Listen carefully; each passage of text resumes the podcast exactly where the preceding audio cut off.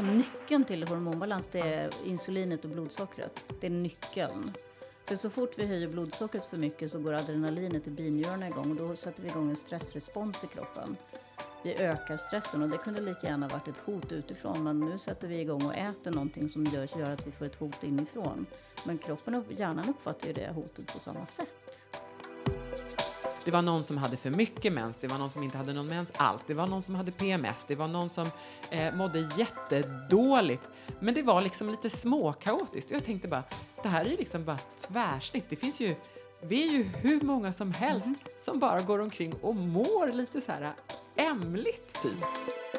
Den största boven i dramat när det gäller hormonbalans, det är ju stress. Just mm. som jag pratade om förut, att när stresshormonerna regerar i kroppen, då har de prioritet och det stör alla andra hormoner. Det blir total kaos för att kroppen ska överleva. Vi ska överleva, det är viktigast.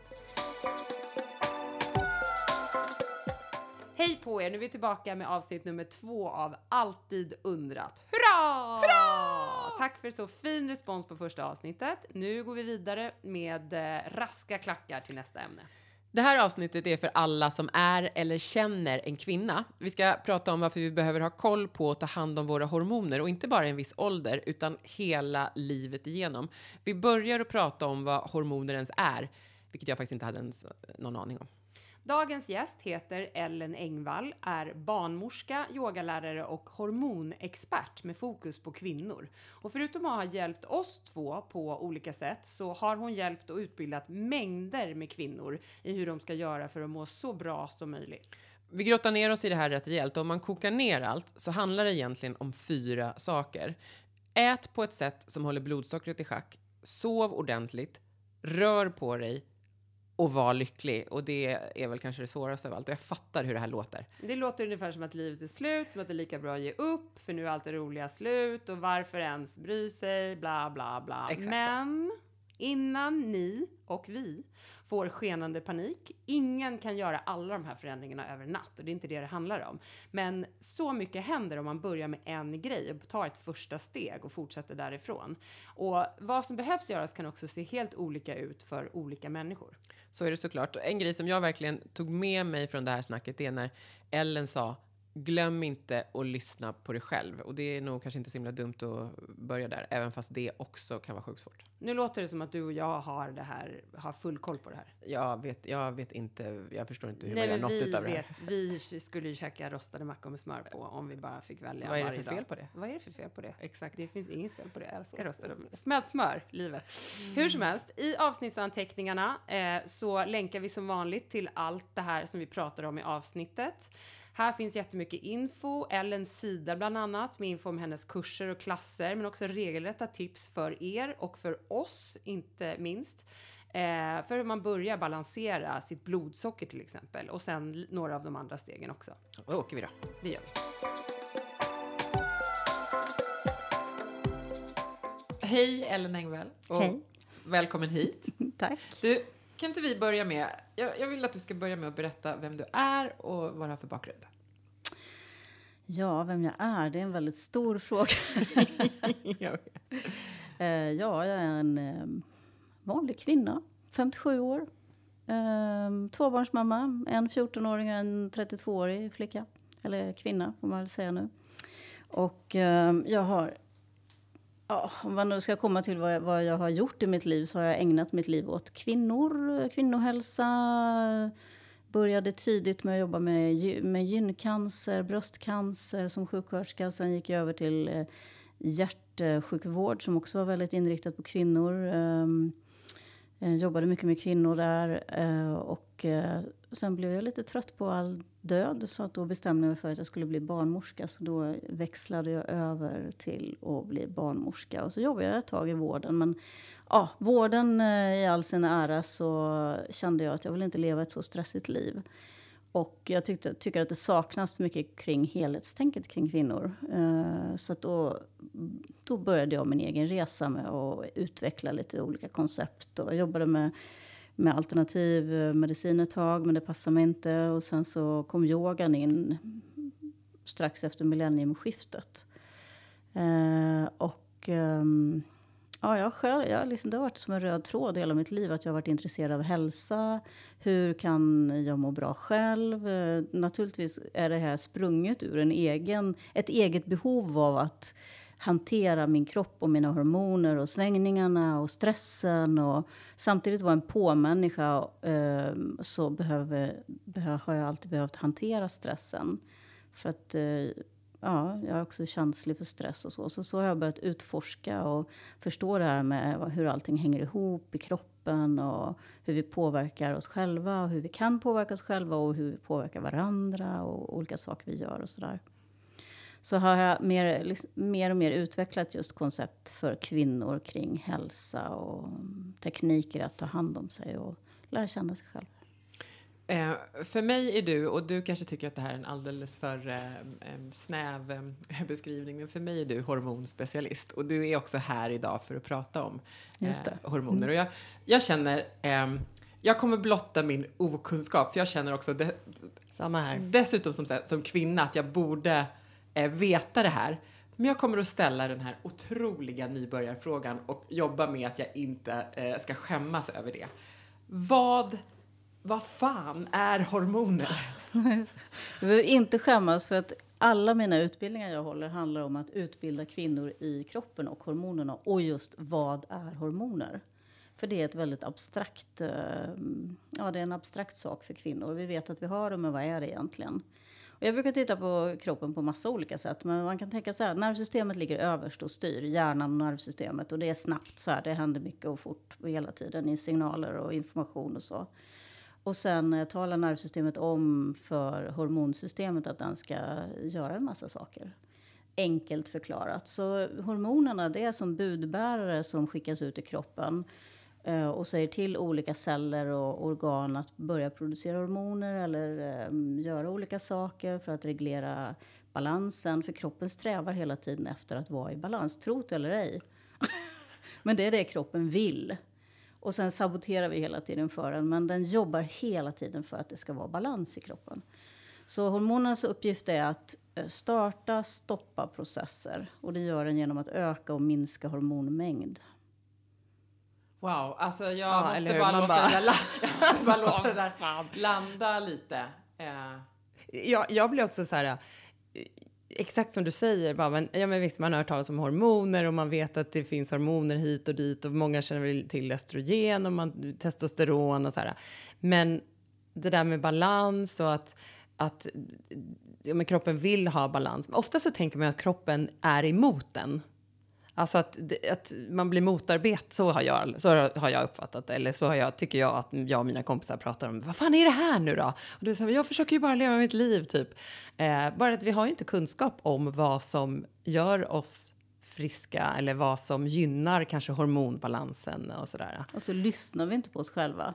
100 procent. Ja, så det, det, det, är också en grej vi behöver lära oss. Att börja lyssna på kroppens signaler. För när vi lär oss det så börjar vi höra en massa saker och känna en massa saker och förstå. Okej, okay, när jag gör det här så händer det här i kroppen och när jag kanske äter det där så händer det här. När jag träffar den där människan så mår jag så här. Och det kanske man inte tänker på om man inte är lite själv eller medveten om vad som pågår. Nej.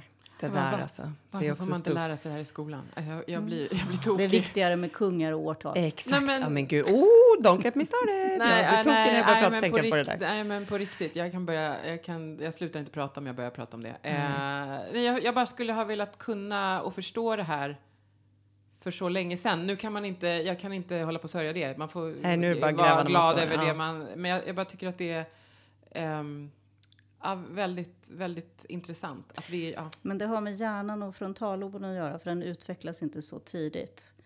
Så ju äldre vi blir, desto mer utvecklas vår frontallob. Och en del av frontalloben har med det här förmågan att känna in kroppen och känslorna i kroppen. Så att det är någonting som mognar också, som vi blir också mer och mer intresserade av. Men Ber du till exempel en tonåring att känna efter så fattar de nästan inte vad man menar. Nej, precis. För det, det är också en mognadsfråga. Men vi kan ju träna upp den tidigare, absolut. Mm. Och börja prata om det. Men oftast för dem är det ju som man pratar om ja, goddag yxskaft ungefär ibland. Eller ofta. Det, det, där är så sant. Jag, jag inser det nu när eh, liksom jag är 43 och, och eh, är, eh, men det är så mycket som jag börjat reflektera över först senaste tio åren, men egentligen kanske fem åren. Eh, att jag, att så här, aha, hur, hur mår jag egentligen? Eller hur, hur, den här situationen, eller de här människorna, eller det här sammanhanget, eller den här maten. Alltså jag, man bara kör ju på. Det är verkligen så som du... Och jag kommer ihåg att jag reflekterade över det när jag var yngre. Att jag tänkte på hur mamma kunde säga typ så här, jag känner så här, eller det här får mig att känna, va?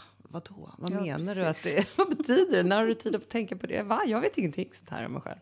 Men vi träffades första gången för tio år sedan eh, när jag klev in i din ehm, eh, yogastudio på ett av dina pass för att jag var yr i huvudet och förmodligen utbränd när jag hade jobbat för mycket. Och så började jag gå på dina medyogapass på måndagar eh, och hatade det i början. Alltså jag bara var så här, vi låg på ullmattor och jag, alla var tio år yngre, äldre än mig och jag bara, vad gör jag här? Tills jag bara insåg att det var där som jag faktiskt så här, fick upp min energi igen. Jag fick en chans att min, min kropp fick liksom en liten, ja, lite respit. Bara så här, en stund där jag kunde ladda mina batterier och efter mm. bara två gånger tror jag så blev jag ju smått beroende av att komma till den där ullmattan och ligga bredvid de här dam, lite äldre damerna som några av dem somnade, låg och snarkade och så här. Till en början så tänker man bara så här, men vadå, vi sitter på en matta och så andas vi i tre minuter och gör någonting med armarna och flaxar lite. Men i själva verket så sätter det ju igång så kraftfulla processer i kroppen mm -hmm. eh, som får en att må så bra. Vad, och jag har så mycket frågor och det blir lite osorterat. Vilka kommer till dig? Kanske så? Vilka kommer till mig? Ja, det är kvinnor, i och med att jag är lite specialiserad på kvinnor. kommer en och annan modig man också. De har ju lika stor nytta av det och har lika stort behov. Men eh, i och med att jag, ja, jag har inriktat mig lite mer på kvinnans behov i deras kroppar, för vi är lite annorlunda än männen. Ehm, mellan ehm, 30 och 80.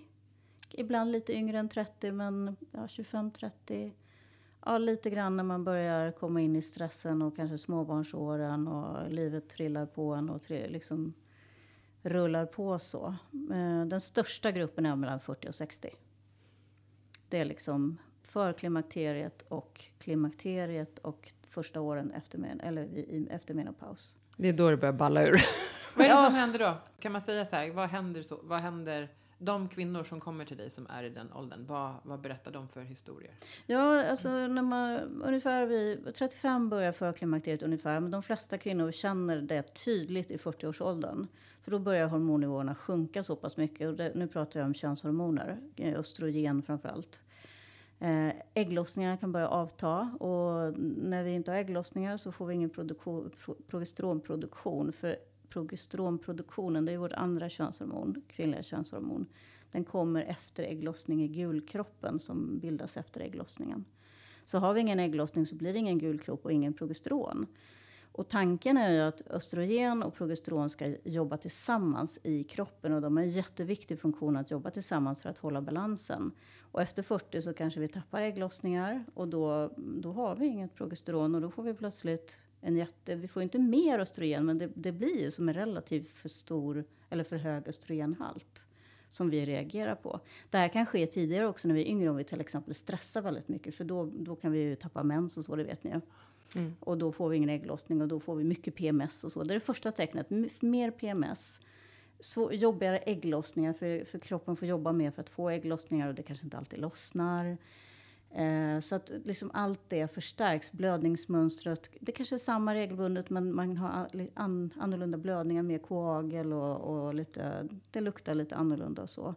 Så att efter 40 så börjar den processen att, med nedregleringen. Och sen runt 50 så är vi ju riktigt i den här omställningsprocessen då det svänger ännu mer. Då man märker ännu mer på kroppen och humöret och leder, muskler och sådär. Eh, och det kan ju pågå i tio år. Ehm, de flesta kvinnor i Sverige har sin sista mens runt 52 års ålder. Mm. Och ett år efter sista mens då säger man att man är i menopaus. Det är alltså paus från mens. Ingen mer, det är så det är en tidpunkt. Och sen den tiden efter menopaus, det kallas postmenopaus. Och efter sista mens tar det fem år att nedreglera systemet, vårat kvinnliga, våra kvinnliga könshormoner, så att de är som de var innan puberteten. Så att det är en jättelång process. Så hela den här tiden är... Alltså det, vi måste tänka på ett annat sätt. Vi blir känsligare, vi rubbar OTA-axeln. Äggstockar, sköldkörtel, binjurar, det är våra, våra körtlar som samverkar i, i, ja, de jobbar tillsammans. Och är det en av körtlarna som har problem, då stör det de andra. Så till exempel när äggstockarna lägger ner sin verksamhet, då stör det binjurarna. Vi blir mer lättstressade, vi blir känsliga, vi, ja, vi tål inte stress lika mycket. Sköldkörteln kanske inte fungerar som den ska. Många kvinnor går upp i vikt eh, runt klimakteriet. Jag gick upp fem kilo utan att jag gjorde någonting. Bara så pang, varsågod, här får du lite mer vikt. Jaha, tack. Alla gör inte det, men många gör det. Och det bara händer. Det bara händer. Och därför måste vi tänka mer, vi blir känsliga, vi måste äta annorlunda, vi måste liksom kolla in kroppen. När könshormonerna sjunker så blir vi mer, automatiskt mer inflammerade i kroppen. Och det är en stor, det pratas mycket om antiinflammatorisk kost idag. Och vi blir inflammerade till exempel av stress men också av att vi har för mycket eller för lite könshormoner. Och i klimakteriet så svänger det jättemycket. Många gånger har vi för mycket innan vi kommer i menopaus för att vi inte har ägglossning. Och då blir det en relativ för hög östrogennivå. Och sen sjunker det och sjunker och då får vi för lite och båda ger inflammation i kroppen. Och det gör att vi får värk och vi får problem med magen och, och vi får massa mm, sjukdomar. För östrogen till exempel skyddar oss mot sjukdomar. Whoops. Nej, Nej, den där stänger du av. det var det sjukaste jag varit med om. Ja, Jag stängde ju av den. Vi lever i ett modernt Ja, det där var det. Den var också väldigt det stod också påminnelse, elektrolyter och varmt vatten. Eh, Ayurve- Ayurveda påminnelse. Alltså det är så jädra, så jädra på, uppkopplad. Ja, Ja, men förlåt, du var mitt i det. Eh, ja, nej, men jag tror att jag var klar, klar Ja, det där. kanske var. Men, Ja. men, för jag funderar på, jo, eh, ja, det, är så, det här väcker så många frågor, men eh, den här nedregleringsperioden som du pratar om, då låter det som att ja, det är inte så konstigt att det blir lite kaotiskt då, helt enkelt, för att kroppen håller på och vänjer sig vid, eller för det är något som stängs av och då måste de andra De måste liksom reglera, reglera det. det och bara oj vänta vi har stängt av här då måste vi tänka så Ja. här nu tänker jag att det är något. Ja, Men, och, men sen när man är ur det, blir det lugnt då? Eh, många kvinnor upplever att det blir lugnare och lite tråkigare. För att eh, cyklerna gör ju att vi blir lite mer dynamiska och det, humöret går upp och ner och det händer lite mer sådär. Vi är vana vid att leva ett cykliskt liv. Så många upple kvinnor upplever att det blir lite mer jämn, jämnt sådär. Eh, Medan andra kan känna att ehm, ja, de tappar lite livsgnista, många tappar sexlust. Eh, och sexlust tänker jag att då har man i grund och botten inte livslust. För om man ingen livslust, riktig sån spark, life spark, då, då kan man heller inte uppbåda sexlust. Så jag brukar alltid tänka lust som ett samlingsbegrepp där man, grunden är livslust. Och sen kan man ju ha alla möjliga lust till olika saker. Men har man inte i grunden lust till livet och till sig, till sig själv att leva sitt liv, då är det ju svårt att hitta annan lust också. Det tycker jag är självklart.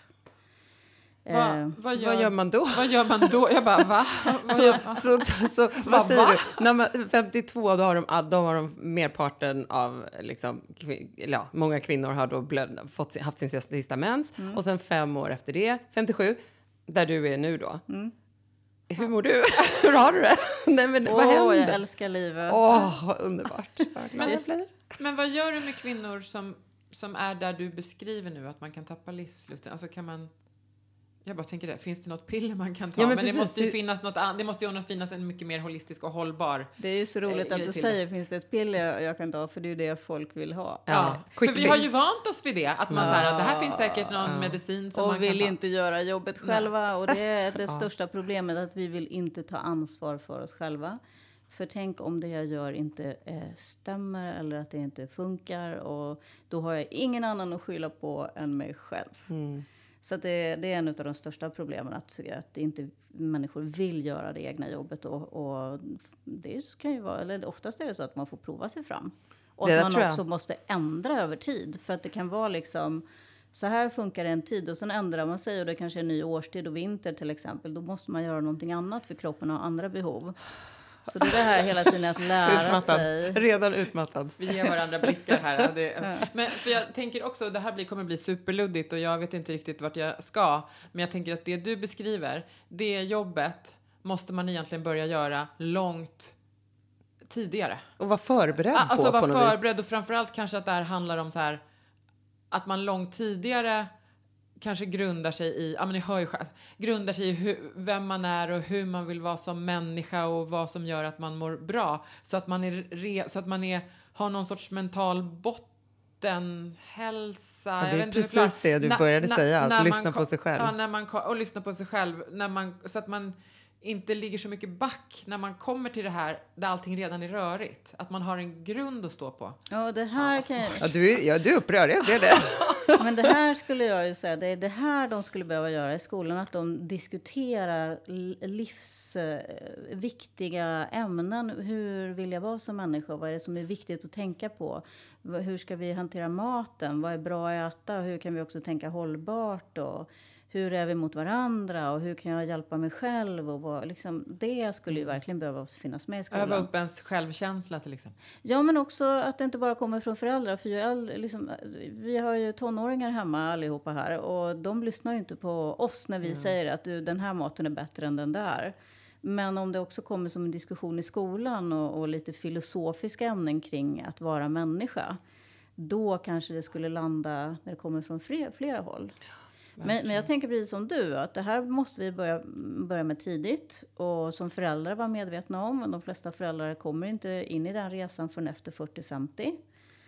Eh, Men vi, vi skulle behöva göra den resan tidigare för att kunna hjälpa våra barn och, och att man redan som um, liksom ställer frågor till sina barn som handlar om det här. Hur, hur, kanske inte hur känner du? Så det, det, jag är inte expert på barn, men att man, man lätt kan börja föra in bra saker och förklara enkelt. Och sen framförallt i tonårstiden när det händer så mycket för dem.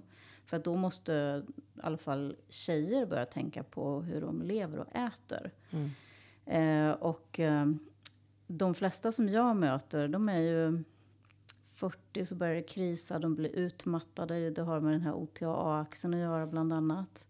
Och att de inte lyssnar på kroppen. Sen runt 50, om man inte har gjort något jobb med sig själv innan man kommer in i det riktiga klimakteriet, eller vad, övergångsåldern gillar jag, det är ett bättre för det är en övergång till någonting, är någonting nytt. Någonting nytt, ja, som faktiskt är en utveckling. Och inte någonting negativt, utan det är en utveckling. Om man inte har gjort jobbet innan, då kastas man, många kvinnor in i en centrifug och tappar det totalt. Känner inte igen sig, eh, har, liksom, vet inte vilka de är längre. Med östrogenet sjunker också självkänslan till exempel. Så att man behöver vara stark som person och, och jobbat med sin personliga utveckling tidigare i livet för att slippa det där. Jag har ju haft ett klimakterie som jag har känt av med vallningar och lite viktuppgång och så. Men jag har varit superstabil mentalt och känslomässigt i mig själv för att jag har jobbat så mycket med yoga och mig själv. Och jag, vet, jag känner mig själv väldigt väl. Så då slapp jag den biten. Sen kan jag ha dippar ibland med eh, kanske nedstämdhetsperioder. Men det handlar mycket om att tarmen inte mår bra. För den hänger ihop med hjärnan. Och då behöver man titta igen på kosten. Vad ska jag äta för att mm, tarmen ska må bättre? Och då blir man genast gladare. Det är så konstigt. Ja, Nej, men det alltså, konstigt, men det hänger ihop.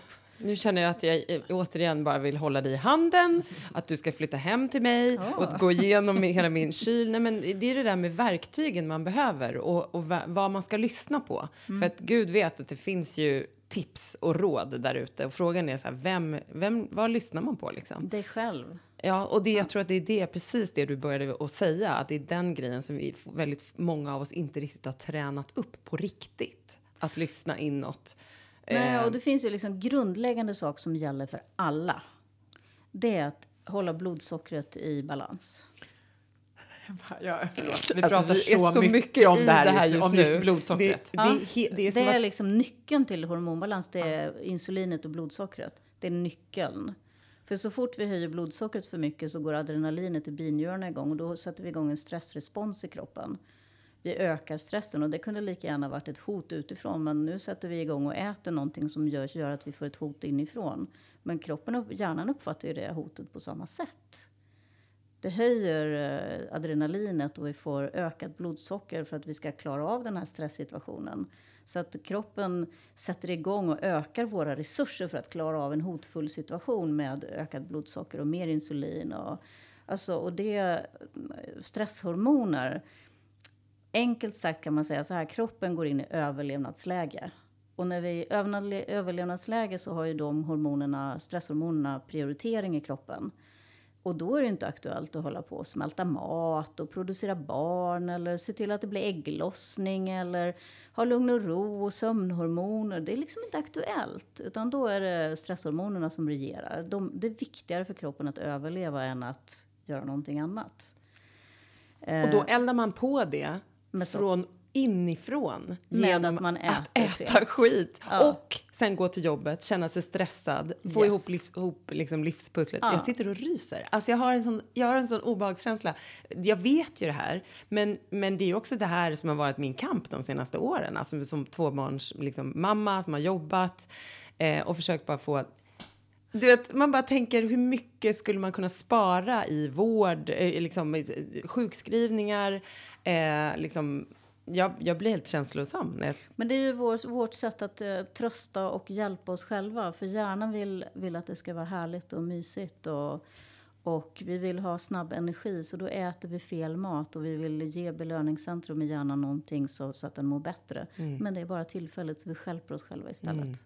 just det. Eh, Så att vi måste liksom, jag brukar tänka så här att jag har en, en klok sida av mig själv. Den här som jag kan liksom kliva ur mig själv och se mig själv. Sen har jag den här, åh jag vill ha det här och jag är sugen på choklad. Jag skulle gärna ta ett glas vin för att lugna ner mig. Och åh, ska jag inte göra lite av det som jag vet att jag inte ska göra? Och bara för att jag just nu känner att jag, jag ska unna mig till exempel det här. Och samtidigt så kan den andra sitta och titta på. Ja, men du vet ju att du inte ska göra det. Ja, men just nu gör jag det i alla fall. Eh, Men om man kan verkligen kliva ur sig själv och säga till sig den här andra lite mer em, jag brukar kalla det apberget för det tjattrar hela tiden med massa eh, saker som jag, den tycker jag ska hålla på med. Eh, att man kan säga till den, ja, ja, ja, men just nu är det så här att du är på väg dit och om du gör det här nu så kommer du inte komma dit och då kan man liksom lura sig själv lite grann. Och så får man hitta grejer som man kan unna sig som inte handlar om eh, fel mat. För att varför unnar vi oss och belönar oss själva med saker som egentligen vi vet är dåligt? Varför? Ja. Det är ju ingen, det är ingen riktig, det är ju falsk tröst. Det är ju absolut, och det är ju liksom- att straffa sig själv egentligen. Ja. Att ge sig själv det som man vet man inte ska ha. Och det är ju verkligen ganska en hel kultur ologiskt. som också formar oss i att, alltså nu, det, jag menar inte att man ska så här, men det, det är ju bra att komma ihåg att så här, nej men de allra flesta av oss är uppvuxna i en, ja men godis på lördag eller liksom påsk, alltså jag säger inte att um, ingen får äta godis, men att man, det, så har det sett ut. Och då måste man ju omprogrammera det. Och det får ta lite tid. Och i den pro- processen kanske man ska vara snäll mot sig själv men ändå, precis som du säger, det var ju ett jättebra tips att försöka ja, nästan dela upp sig själv i två och, och, och ha en lugn konversation och bara, vet att det är tufft, men du borde kanske se målet här nu. Ja, jag får ta högre perspektiv på sig själv hela tiden. Man får ha den där eh, ja, kloka personen som man också har. Den där lite mer utvecklade delen av sig själv. Det som resonerar med mig eh, är, eh, och jag vet inte om det här blir en rätt, eh, rättvis jämförelse, men det där som du sa att kroppen ser inte skillnad på på var det här adrenalinet kommer ifrån, om det, eller, och, eller de här glucose-spikarna kommer ifrån. Så att det är så här, den ser inte skillnad på om vi blir jagade av en sabeltandad tiger eller om, om jag håller på att äta en Snickers. Eller Jo, men annat. så är det, inte, det handlar inte om gluko, liksom det, det är det adrenalinpåslaget som Ja. blir utav att vi äter socker. Eller blir jagad av någonting. Just det, men den känner inte, den får Hjärnan det där, men den, hot. den, vet, den förstår inte var det kommer ifrån. Nej, utan ett den hot, bara kör liksom. på samma, Ja. vi, nu, är vi, nu, är det, nu är det det här som gäller. Mm. Eh, och det tycker jag, för mig blir det lite, det, då blir det enklare för mig att förhålla mig till mig själv när jag har, det blir väldigt tydligt för att det är så här, nej men det är den här grejen som händer som du säger med tanke på att man ska så här, ställa sig utanför sig själv och prata lite med sig själv och bara, fast du vet det här behöver inte du nu. Eh, det blir som någonting att hänga upp det på, eh, kände jag. Och då kan man också förklara sig själv. För tar du det här nu så kommer det förvärra situationen. Så det är bättre att du ja, sätter dig i solen eller lyssnar på någon låt du gillar så att du mår bättre eller går och får en kram av någon du, du älskar eller ja, någonting som Gör gör något att, annat. något annat som gör att du mår bra.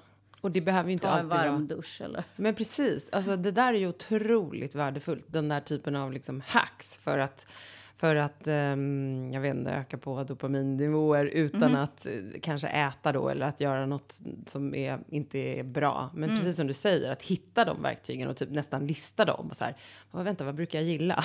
Och skriva upp precis. det i förväg kanske. Ha sin sån, vad gör jag när jag känner det här och det här och det här? Jo, då Krisplan. jag på Ja, då gör jag det här istället.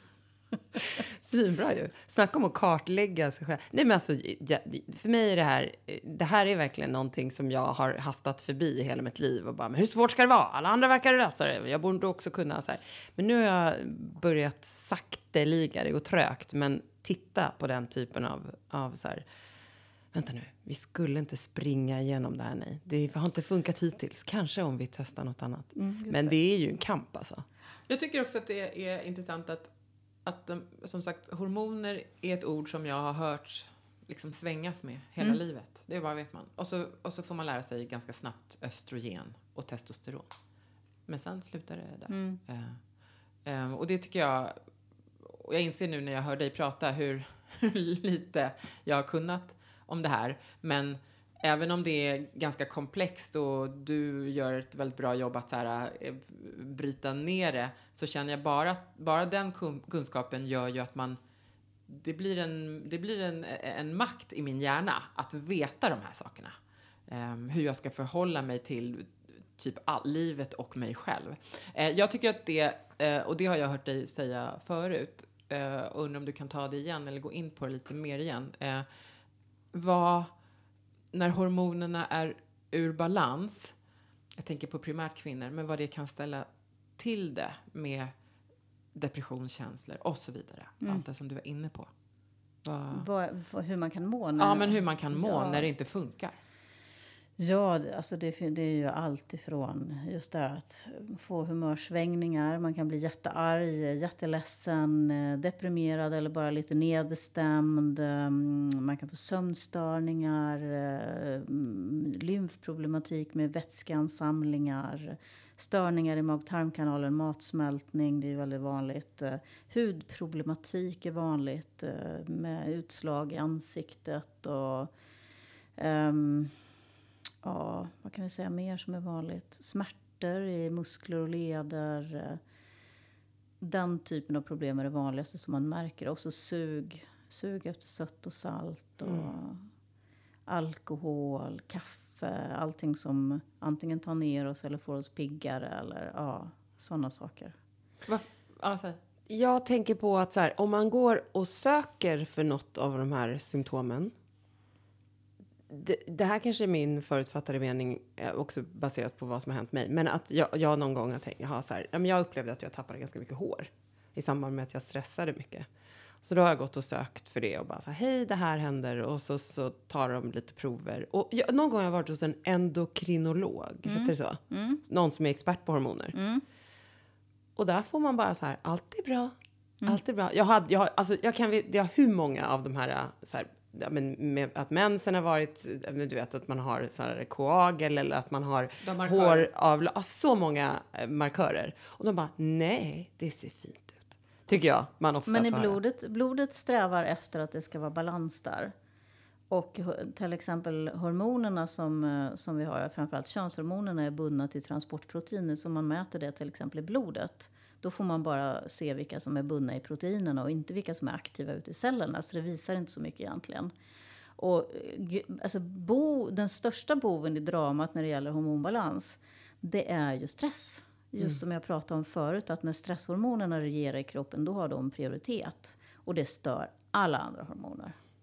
Det blir total kaos för att kroppen ska överleva. Vi ska överleva, det är viktigast. Så att eh, i... Alltså, jag kan tänka många gånger att vården inte... Vården ser ju inte alltid människan, eller ofta inte människan på, um, som en helhet. Och tänker inte att okej, vad är det som är problemet egentligen? Ja visst, du kanske har lite för låga hormoner där eller för höga där. Eller, men eh, vad är grundproblematiken? Jo, men det kanske är för stark stress. Och de flesta som lever till, i Stockholm i alla fall har en ökad stress för, för att vi bor i den här miljön. Bara det gör ju att vi blir helt koko. Eh, vi lever för långt från naturen helt enkelt. Vi, vi är ju, tillhör ju naturen, och vi, men vi är inte där. Utan vi sätter oss i en artificiell miljö, de flesta av oss. Eh, och sen är det att vi äter fel, vi har för mycket ljus, vi har för mycket input i hjärnan hela tiden. Vi ger oss själva inte återhämtning. Stress är egentligen inget farligt om man ger sig själv tillräckligt mycket återhämtning. För vi måste kunna stressa för att överleva. Men det vi kapar först när vi har för mycket att göra, det är återhämtningen. Eller hur? Det är den vi drar ner på, för vi tänker jag hinner inte. Träning och återhämtning, det ryker först. Men det här, och det här får man ju inte, de här svaren får man ju inte från en läkare. Nej. Det går inte att komma. Den, den Någon liksom, enstaka om Ja, precis. Ja. Då är det någon, och då är det någon som kanske har testat själv eller har hört någon som... Alltså så här, då är det, det är inte att som läkare ger man de här tipsen, vilket är det, det första man borde då Mm. egentligen göra. Ja, och det Ja, andra det tror jag hopplöst helt enkelt. Ja, no, precis. Det är det kört. Nej, men jag tror också att det är ganska många, jag tycker jag hör många historier om primärt kvinnor som går och säger hej, det är stökigt, jag förstår ingenting. Och så antingen säger någon att det är bra eller så säger man eh, gå hem och stressa mindre. Ja, precis. Eh, Okej, tack då. eh, vi, jag, jag vet inte hur man... Jag har haft utmattningssyndrom. Det var första gången som jag hörde ordet återhämtning. Jag, jag förstår inte... Jag, Nej. förstod, jag börjar förstå nu vad återhämtning eh, är. Ehm, och att återhämtning inte är att gå ner i tid 75 procent ehm, för att man ska hinna mer, som man ändå inte gör, eller att man ska hinna, utan Eller det sitta och scrolla på mobilen. sitta och scrolla på Ja, ja, mobilen, exakt. de där 25 Ja, procenten, eller om man går ner precis. 75 procent, för då använder man den tiden till att åka hem och till jobbet. Ehm, det är ju det som är de där 25 extra procenten egentligen. Ehm, men, men vad är återhämtning? Alltså det, det kan vara väldigt olika, men det är någonting som gör att vi fyller på med energi och ger kroppen tid för att processa det vi har gjort och, och vila ifrån mat, vila ifrån aktivitet och så. Det kan vara både gå ut i skogen och sätta sig på en stubbe, det kan vara läsa en bok eller ja, rota i rabatten eller bara lägga sig och göra avslappningsövningar. Gå på yoga som du berättade att du fick en sån fin upplevelse av. Andas en stund, um, sätta sig i solen och bara vara och inte hela tiden mata hjärnan till exempel. Hur ofta är det, är det ni sitter i soffan och bara tittar rakt ut och inte gör någonting?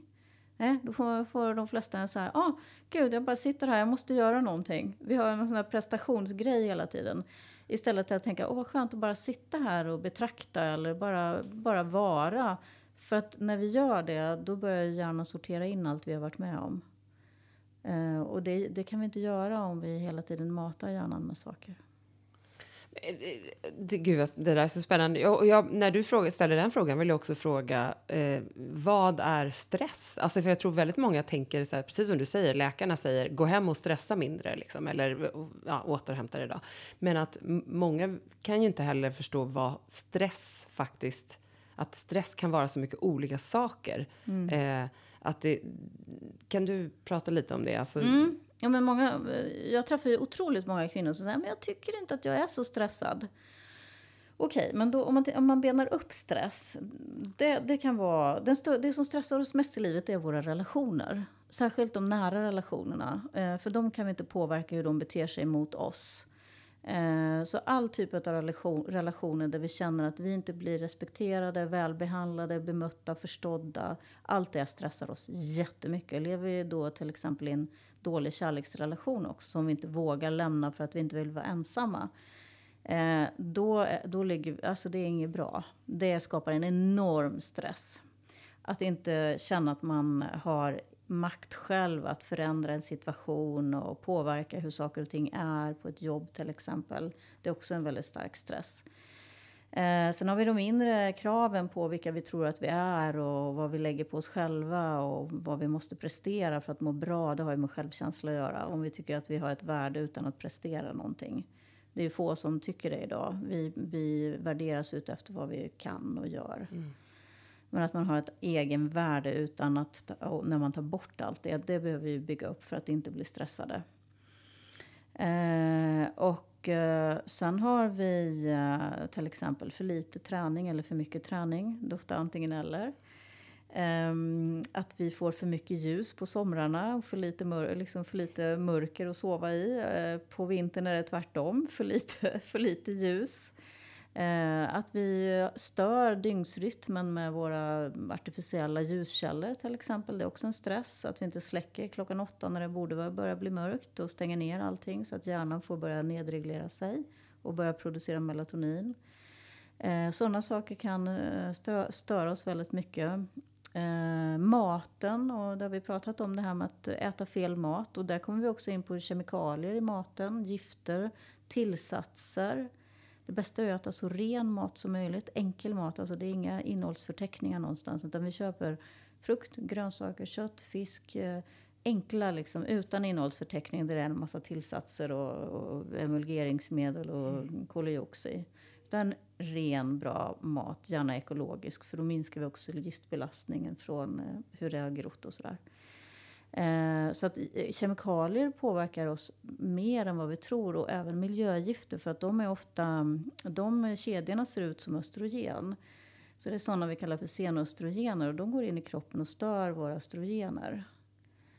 Eh, Så att det, det kan kvinnor må väldigt dåligt utav att vi får en, ett sånt på östrogenpåslag utifrån för de, de härmar vårt östrogen. och kan stöka till det ordentligt i våra, vårt hormonsystem. Så det vi är mer sårbara för, eh, vad heter det, eh, den typen av miljögifter och, och eh, Ja, i och med att det är östrogen. Men männen påverkas ju av östrogen också. Jag menar, då blir det, får de lite mer kvinnliga attribut. Titta på alla män som har lite, får lite bröst med åren.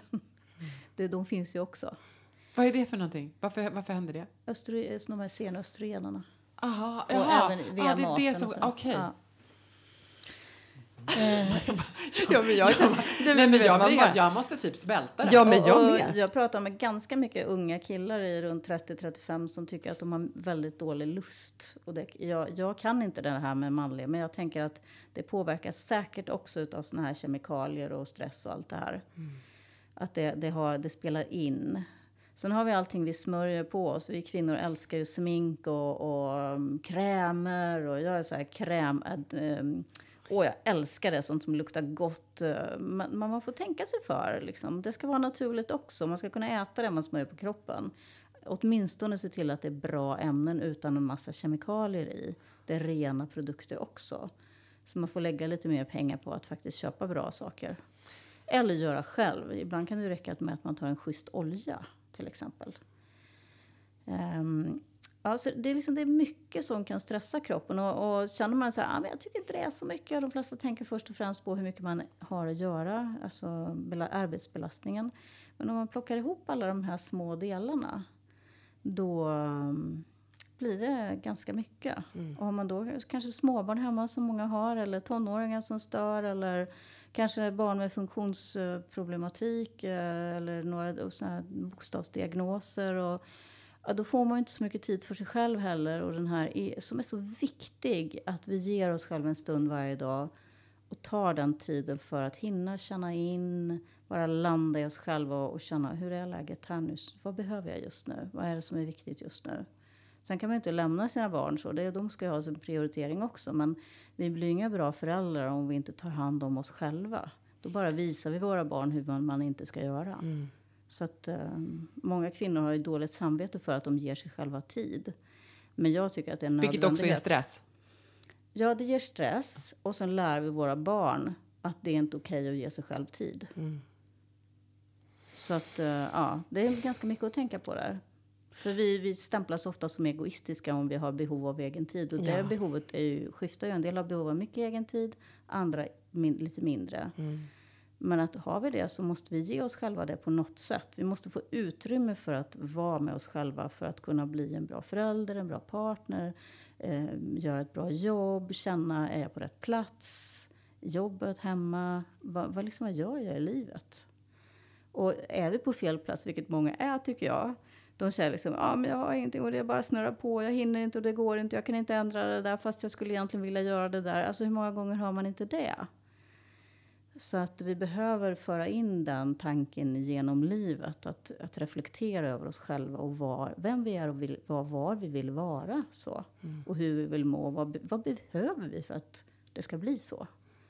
Allt kanske inte är möjligt, men mycket är möjligt. Jag, jag slås ju av när jag hör dig prata att det, det är ju ingen... Alltså det är ingen quick fix, men det är en viktig fix. Och det är inte ens en fix, utan det är ett pågående arbete som människa. Att utveckla sig och, och studera sig själv lite grann. Och att faktiskt vara i den processen. Att se det som det är, det är att vara människa. Att utveckla sig. Och det skulle, ja precis, och det skulle vi också, jag känner att det skulle vi på något vis behöva få upp i medvetandenivå. Så att det inte är något som anses vara konstigt eller... Fast nu, nu tycker jag yoga, det kom ju en studie som släpptes förra eller förra, förra veckan från Jönköping om det här med body-mind-baserad yoga som det är det jag håller på. Jag har ju lämnat medyogan och jobbar med medicinsk yoga och har utvecklat den yogan mer till att vara friare och ännu mjukare och rundare liksom. Och, ja, att man jobbar på ett mer tillåtande sätt, framförallt riktat till kvinnliga, den kvinnliga kroppen då. Eh, Men det är samma typ av träning och det visar ju den här undersökningen att, att jobba med den typen av yoga eh, det ökar eh, den kognitiva funktionen och minnet mer än att träna vanligt på gymmet. Wow. Och det hade, det hade forskarna blivit jätteförvånade över. Och det har jag vetat i jättemånga år nu. Men det var ju så kul att det, blev, att det fanns på pränt. Så skulle man, och alltså den är ju utbredd den här typen av yoga. Så skulle man få in den lite mer tidigt i åren. Kanske börja som, ja barn är svårt. Men kanske när man kommer uppåt 15, 16, 17 år. Börja med andningsövningar, sådana här enkla grejer. Eh, för där ingår det ju att börja känna kroppen. Och då utvecklar vi också frontalloben som har med det att göra. Hela frontalloben. Det är det som gör oss människor unika. Att vi, kan, vi har en frontallob som utvecklas. Det har ju inte djuren. Det är det som gör att vi kan eh, tänka, resonera, logiskt, planera, eh, förstå oss själva, ja, utveckla en högre medvetenhet.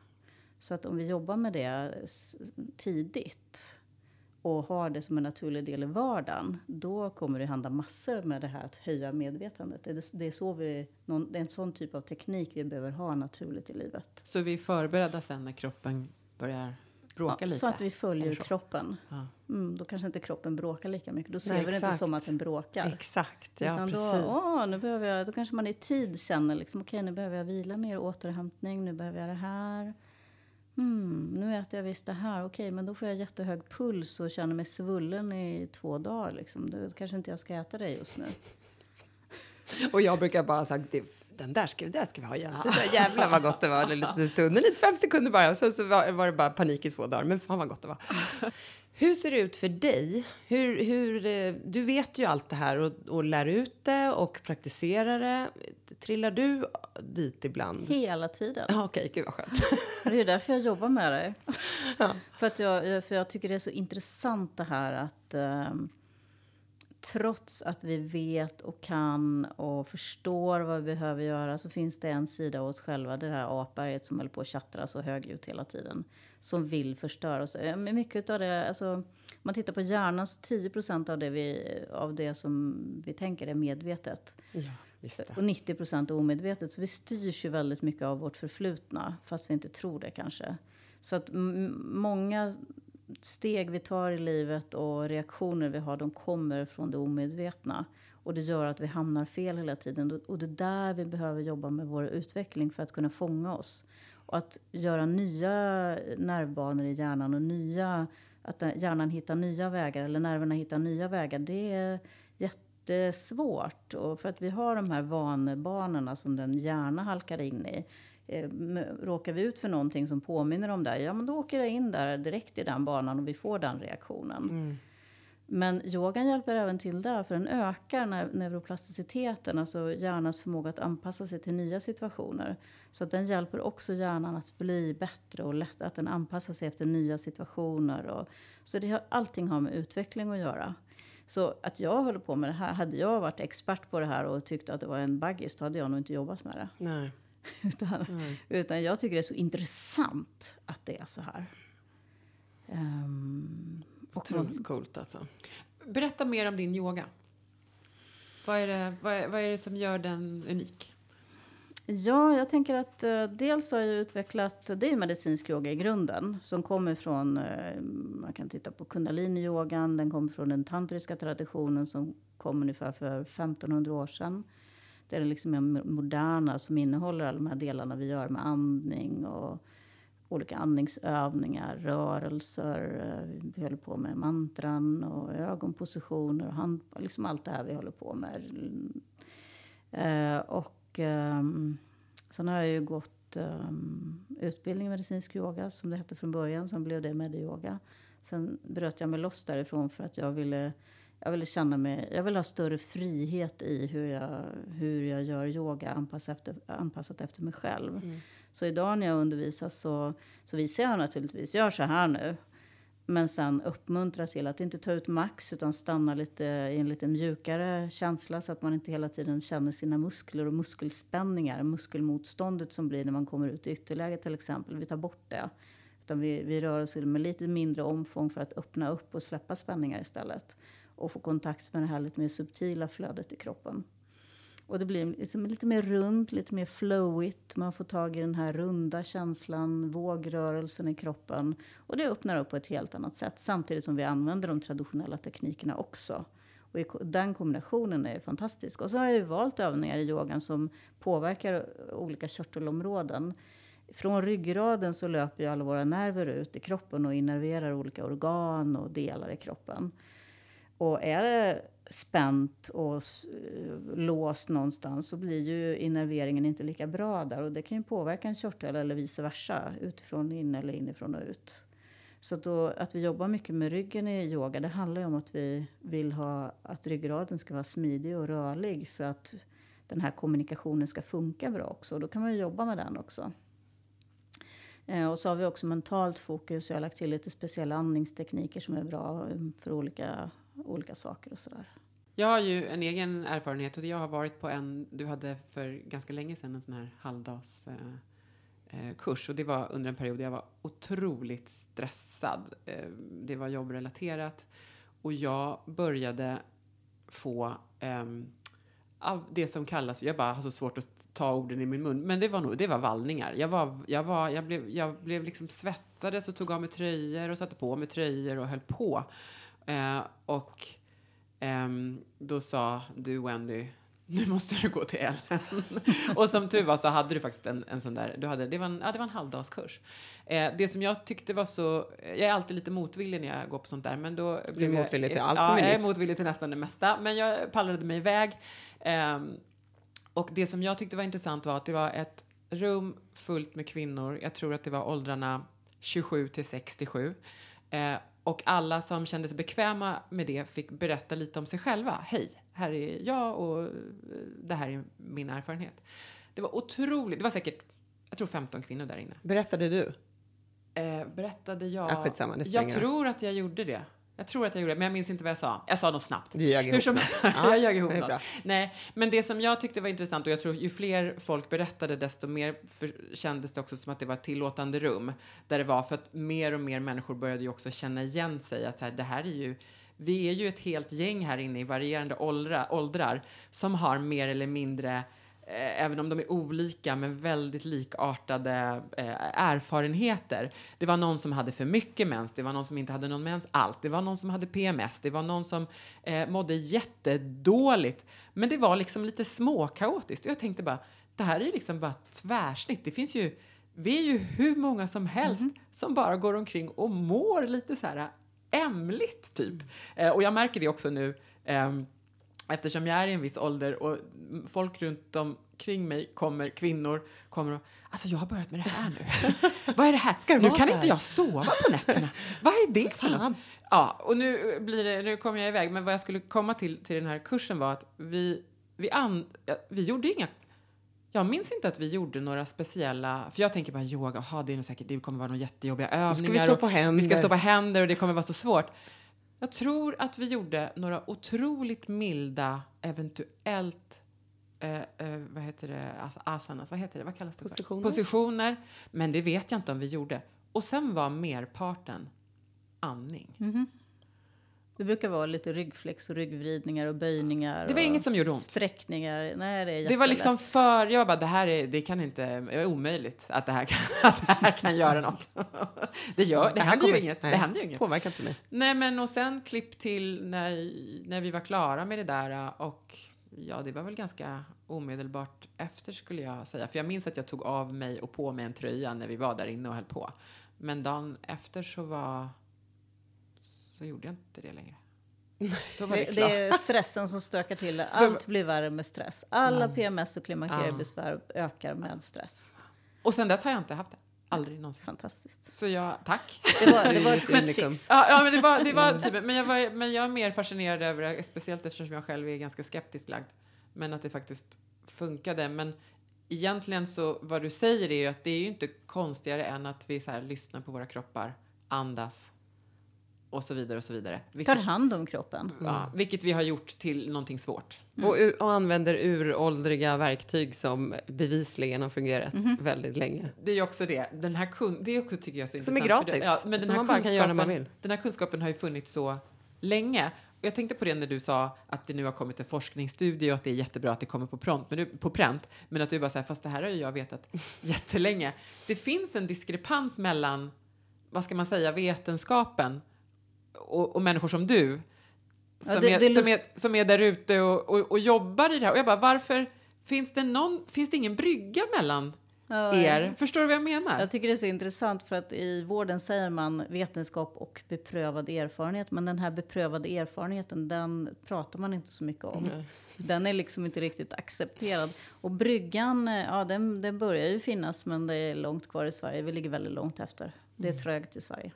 För jag tror att jag läste den eh, artikeln, eller den eh, studien som du eh, hänvisar till. Jag tror jag läste om den i en, i en tidning och då var det också så att jag kom minns att artikeln var skriven som att de nästan som att de hade uppfunnit hjulet. Mm. Och det räcker ju med att man kan, jag kan egentligen inte så mycket om yoga, men det räcker ju med att veta lite om yoga och framförallt så här, hur gammal den traditionen är. Det är ju inte, så, det är inte någonting som väst har kommit på eh, på 80-talet, utan det här är ju liksom flera tusen år av kunskap. Och den finns ju där ute. Men Jag glömmer bara- aldrig när jag satt på en middag en gång och satt bredvid en kirurg. Och hon frågade vad jag gjorde så berättade jag så här, ah, sa hon, andas det kan väl alla göra, det är väl ingenting vi behöver träna på. Jag bara, what? Och det, det finns inget som är så kraftfullt som att träna sitt andetag och göra olika andningsövningar. Det finns inget som är så kraftfullt och effektivt att påverka kroppen och måendet. Så du kan göra det utan att ens röra på det? Alltså, Ja, jag menar, det är klart man ska bussen. röra. Ja. Det är helt gratis. Det är helt Ja. gratis och det är jätteenkelt. Du kan göra det var som helst, när som helst, hela tiden om du vill. Så fort du är stressad kan du stanna upp, blunda, ta tio djupa andetag. Så har du en helt annan känsla i kroppen efteråt. Alltså det är så enkelt och så effektfullt. Och då sitter en läkare och tycker att det, äsch, det är väl ingenting att hålla på med. Nej. Hur tror du att det har blivit så? Jag tror att det, var, det, det har varit så under många, många århundraden när vi, i medicin, när medi- den moderna medicinen utvecklades och vi delade upp kroppen. Att det blev så. Vi delade upp kroppen. Ja, du har endokrinologi, du har ortopedi, du har mag-tarmkanalen, du har det där. Då man slutade se människan som en helhet. Och de där disciplinerna slutade prata med varandra. Ja. Jag tar hand om det här. Det är ju så när man kommer i vården så blir man, jaha, har du det här, då skickas du dit. Jaha, var det lite utav det, det där? Men det kan inte jag ta hand om, då måste du gå till den där istället. Det är en annan avdelning. Ja, Och så får sen, man medicin. Vem, vem är det som kopplar ihop det sen? Ingen. Och så får man medicin för alla olika saker, men det är ingen Ja. som kollar om de där Och sen medicinerna funkar ihop. interagerar de med varandra och så, så blir det bara ännu mer. Och så blir folk ännu sjukare. Ja, precis.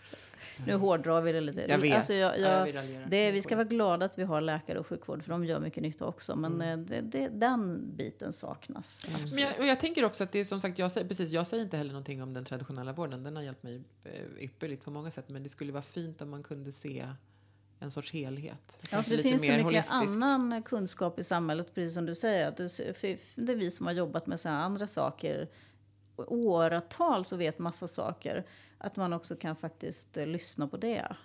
Alltså, eh, eh, jag, tänker också på att vården idag, också absolut, nu, nu förenklar nu drar det till sin spets igen här, men, men handlar ju mycket om att, att åtgärda, alltså att möta, att eh, eh, sätta plåster på och bara häva symptom istället för att gå, många gånger gå till botten med varför det har blivit så från början. Det tar Och- för lång tid. Ja, tålamodet finns inte där, eller pengarna då, eller vad det nu är för någonting. Men som med dina metoder, eh, dina metoder som du har hittat på helt och hållet från Ja, början. precis. Nej, när jag men det var du- 5000, för när jag var liksom ny för Exakt. 4000 år sedan.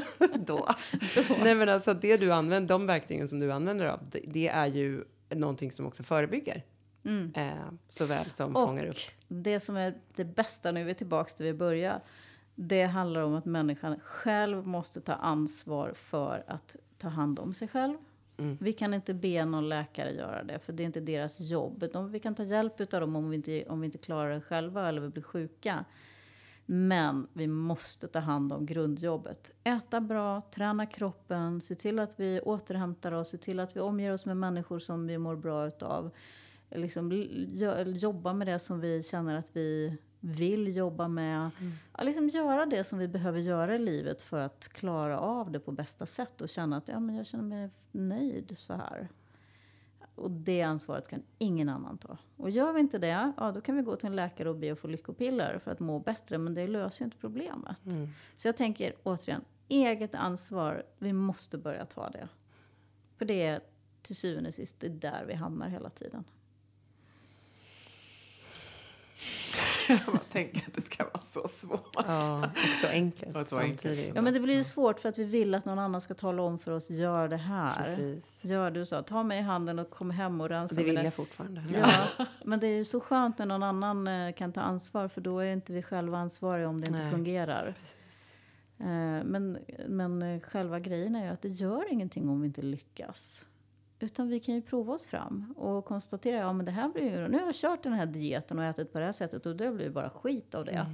Ja men då får jag väl titta efter något annat. Det är inte värre än så. Att vi är så otroligt rädda för att eh, inte lyckas med saker och känna oss bra eller så. Så att vi inte ens vågar oss, mm, prova oss fram. Utan vi vill att någon annan ska göra det så vi kan säga, jag fick det där råden och det, det var inget bra liksom. Men det var ju som du sa också, att det är en del av den personliga Utveckling. resan och Mm. utvecklingen. Att det, att det är också en del av, det är en del av allt. Mm. Vi, inte, vi ska inte komma i mål hela tiden. Liksom.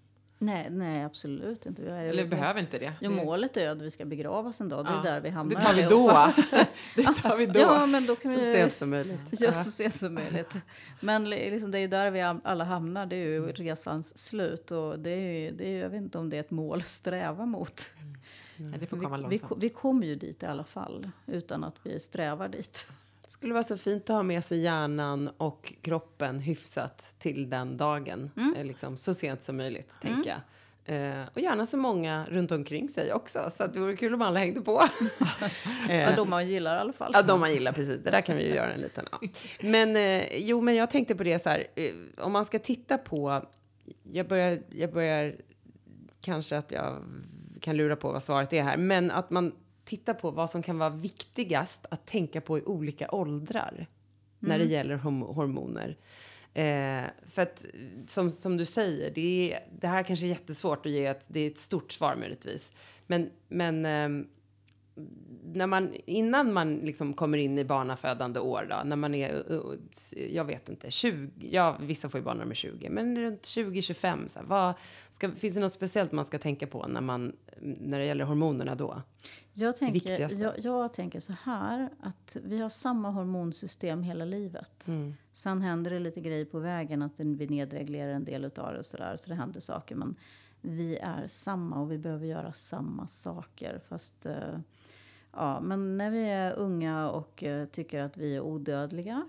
För det tycker ju 20-25-åringar. Ehm, det de behöver lära sig det är ju att vara uppmärksam på kroppen. Och har de symptom som PMS, menssmärtor, eh, svullnar, ehm, trötthet som många lider utav och så. Då är inte hormonerna okej. Man ska inte ha sådana symptom när man är så ung. Och då behöver man börja titta på kosten, träningen, återhämtningen, sömnen, vad man gör för någonting, hur man lever, om man gör det man vill. Alltså allt det här vi har pratat om. Det är samma grej för alla. I barnafödande ålder kanske man behöver vara uppmärksam på andra saker. Att man får återhämtningen, att man får tid för sig själv. att man hinner äta och inte bara äter fiskpinnar hela tiden. Att man äter bra mat också, för många kvinnor slutar äta bra bara för att de får barn. Nu ska man inte laga, laga hundra middagar, men det är liksom, man kan ju ha sådana man plockar det man har lust med och så finns det alltid med någonting som man vill ha. Så. Men eh, eh, ja, barnafödande, egen tid och hinna odla sig själv också så att man inte tappar bort sig själv och bara är mamma eller partner utan man är sig, får vara sig själv också. Mm, det är viktigt för hormonerna. Mm. Hormonerna handlar ju inte bara om eh, könshormoner utan det handlar ju om allt. Väl, välbefinnandet, Eh, hela, hela grejen liksom. Eh, sen kommer vi till eh, 40 förklimakteriet där det börjar stöka. Då måste vi, om vi inte seriöst har tittat på stressen innan så är det dags. Och ännu mer dags om vi inte har tittat på det innan klimakteriet. Då börjar den här resan att verkligen börja lyssna på kroppen. Helst ska vi ha gjort det tidigare som vi pratade om. Men då är det hög tid att verkligen börja förstå sig själv. Och de flesta kvinnor tycker jag, när de kommer i 40-årsåldern, börjar bli lite mer självmedvetna. Då har de utvecklat sig så pass mycket så att de börjar se sig själva på ett annat sätt. Ehm, ja, så att jag tänker att samma råd för alla. Blodsockret, schysst mat, eh, bra umgänge, kul eh, sysselsättning. Har man inte ett jobb som man älskar så ska man i alla fall ha en fritid man älskar. Att hela tiden se till att föra in saker som man känner att man får en eh, energikick och att man känner oh wow, det här blir jag jätteglad av och tappar tid och rum. Och, ja, ni vet det här som gör att man får lite bubbel och hjärtat slår lite fortare. Och, ja, sådana saker. Så att man tittar på helheten och det är faktiskt samma hela livet.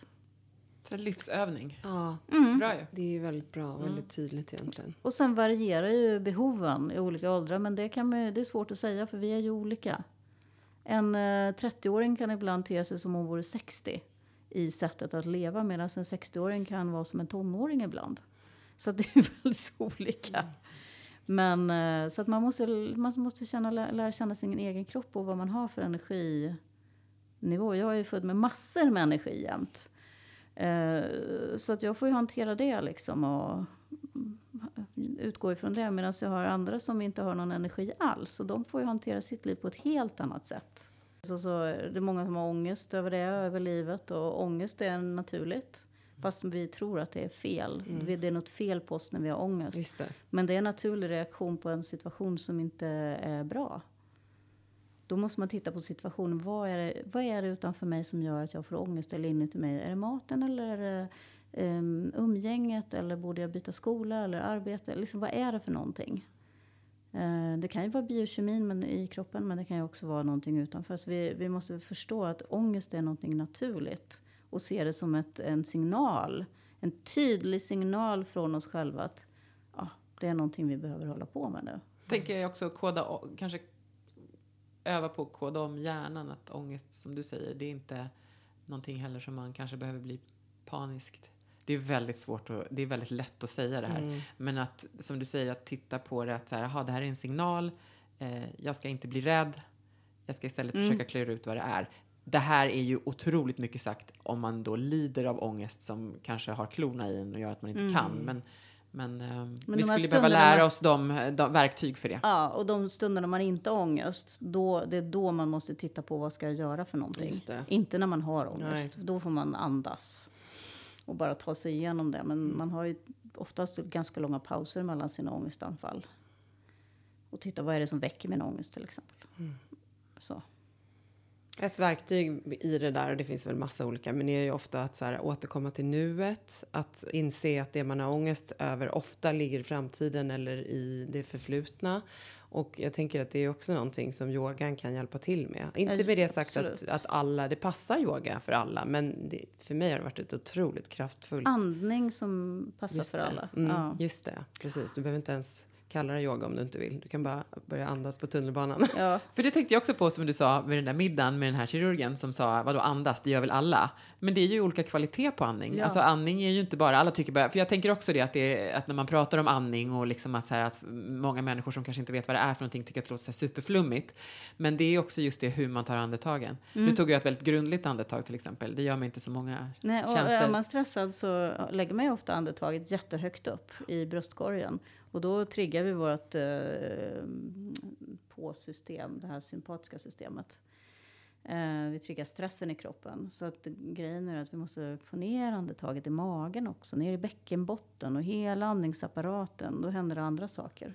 Då börjar vi synka vårt nervsystem med gasen och bromsen och att det funkar bättre. Och jobbar vi bara med magandning så får vi lite mer påslag på, på lugn och ro-systemet. Och, alltså man kan trixa lite med systemet och hjälpa det på traven. Hela den där grejen med att, sätta på sig själv eh, den här syrgasmasken innan man ger den till någon annan. Den, kommer brukar till- jag alltid ta som exempel. Den kommer tillbaka. Den Ja, är så rimlig. Man bara, det är så sjukt att det är en referens, alltså Mm. flygplansreferensen. Men den är ju så... När man hör den blir man så här, just det, för annars svimmar jag av och då kan inte jag hjälpa någon annan och då blir det bara dåligt alltihopa. Mm. Och mår jag halvdåligt så fattar jag fel beslut kanske. Ja. Precis, så det handlar inte om att vara egoistisk Nej. eller själv, eller jo, självcentrerad eh, till att börja med, men till, ga- det kommer ju andra till gagn. Det kommer Mm. ju hela världen till gagn om man bara kan ta hand om sig själv först och sen ge mer av sig själv till andra egentligen. Absolut. I långa loppet så blir det ju att man kan ge mer. Ja, Men inte om man inte, om inte man gör grundjobbet. ja precis. Jag skulle ta och göra en studie på folk som startar krig. Exakt, där skulle vi in och veva lite bland hormoner och, och även... eh, Ja. Hur står det till här egentligen? Ja. Göra några bättre Hur har det blodprov. varit för dig? Har du lyssnat inåt? För Det är ju- roligt och, och jättekul att prata så här tycker jag. Det är Ja, väldigt men- utvecklande. Nej, men Ja, alltså, men jag det var har det fått rysningar Ja. flera gånger. Jag vet ju det här. Du har ju, du har ju lärt mig så mycket genom de här åren. Sen har jag kommit in i det och ur det och sådär som man Mm. gör. Men det här var, det här var så otroligt starkt. Ehm, ja men som sagt, vi kommer behöva kom, att du kommer hit igen. vi behöver prata om så mycket mer, hela Mm. matgrejen och ja. Det här var helt underbart. Tack för att du Ja, kom tack. hit. Och, Tack för din tid. ja, tack för Tack din tid. själva för att ni gör det här så att det kommer ut mer saker. Och att vi får lyssna på sånt här. Det är jätte, jättebra. Det känns, Mm. jag tycker också, med tanke på att jag nu under, alltså precis nyligen har pratat med ett gäng kvinnor i min ålder där vi verkligen på riktigt har suttit så här, varför vaknar jag upp på nätterna? Varför händer det här? Varför händer det här? Och, och, och vi, den här kunskapen finns, men den finns ändå inte. Nej, den är ändå så svår att få det är så- ändå så svår att få Man tag ska på. liksom vara i rätt klick. Jag annonserar hela tiden. Ja. Jag förstår inte. Nej. Men jag tror att det, det behövs, jag tror vi behöver, och det är därför jag känner också, den här, vi måste prata om det mycket, ofta och, och tidigare. Och våra barn som är i, i liksom 14 behöver veta det här. Ehm, Vi ja. postar länkar, jag antar i, i liksom avsnittsbeskrivningen då, där vi kommer på att vi ska posta om vi, ja, eh, de plattformar vi har, så postar vi dina länkar så att folk kan gå in och läsa mer om Och dig hittar och dig. hitta dig eh, och, lä- och lära sig ännu mer. För det här är så himla värdefullt. Tack igen för att du Ja, men kom hit. tack själva.